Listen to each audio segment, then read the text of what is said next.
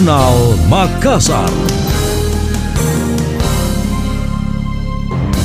Saya Emil Faris dalam Jurnal Makassar. Camat Sangkarang Akbar Yusuf menanggapi keluhan ratusan warga di Kepulauan Barang Cadi yang protes karena aliran listrik terganggu selama beberapa bulan terakhir. Hal itu berdampak terhadap aktivitas mereka sehari-hari. Dia mengaku telah mengetahui masalah tersebut. Penyebabnya mesin pembangkit listrik atau genset yang mengalami kerusakan. Tim teknis telah dikerahkan melakukan pengecekan. Hasilnya kerusakan tergolong berat dan taksiran biaya mencapai ratusan juta rupiah. Akbar menyebut ada dua unit genset di Pulau Barang Cadi. Seluruhnya mengalami kerusakan padahal masih tergolong baru. Sikap acuh warga sekitar diduga ikut berkontribusi dalam menjaga dan pengoperasian. Solusi yang bakal diambil pemerintah dengan melakukan perbaikan. Sebab pengadaan baru belum memungkinkan karena harus diusulkan terlebih dahulu di Barangcadi ini ini kan genset yang rusak dan parahnya karena dua-dua rusak.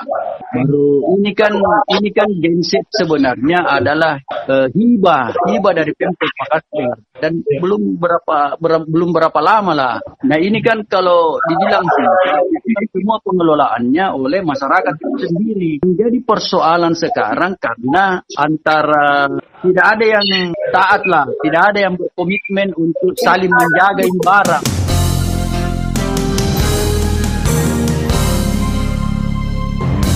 Sebelumnya masyarakat Pulau Barang Cakdi, Kelurahan Barang Cakdi, Kecamatan Sangkarang, tengah kesulitan. Sudah tiga bulan mereka hidup tanpa menggunakan listrik. Kurang lebih ada 300 kepala keluarga yang menetap di pulau itu. Salah satu warga, Rusli, mengaku kesulitan menjalani aktivitas, khususnya bagi anak-anak yang bersekolah secara daring. Anda masih mendengarkan Jurnal Makassar dari Radio Smart FM.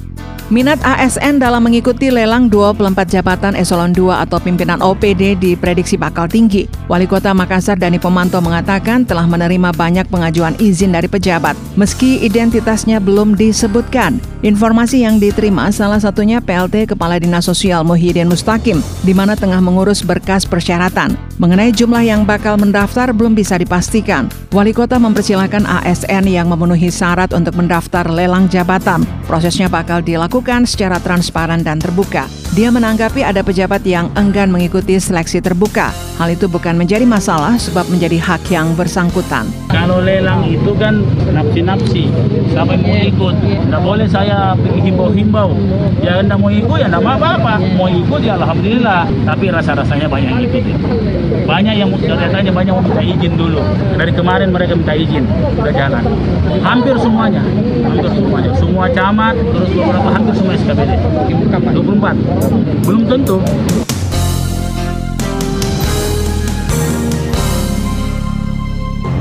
Sementara panitia seleksi Vivi Indriani yang dikonfirmasi terpisah mengaku pendaftaran telah dibuka selama dua hari, namun belum ada pendaftar. Dia menjelaskan 24 lowongan kepala dinas itu masing-masing harus ada tiga pendaftar sesuai persyaratan. Jika belum memenuhi, pendaftaran bisa diperpanjang sampai tiga hari ke depan.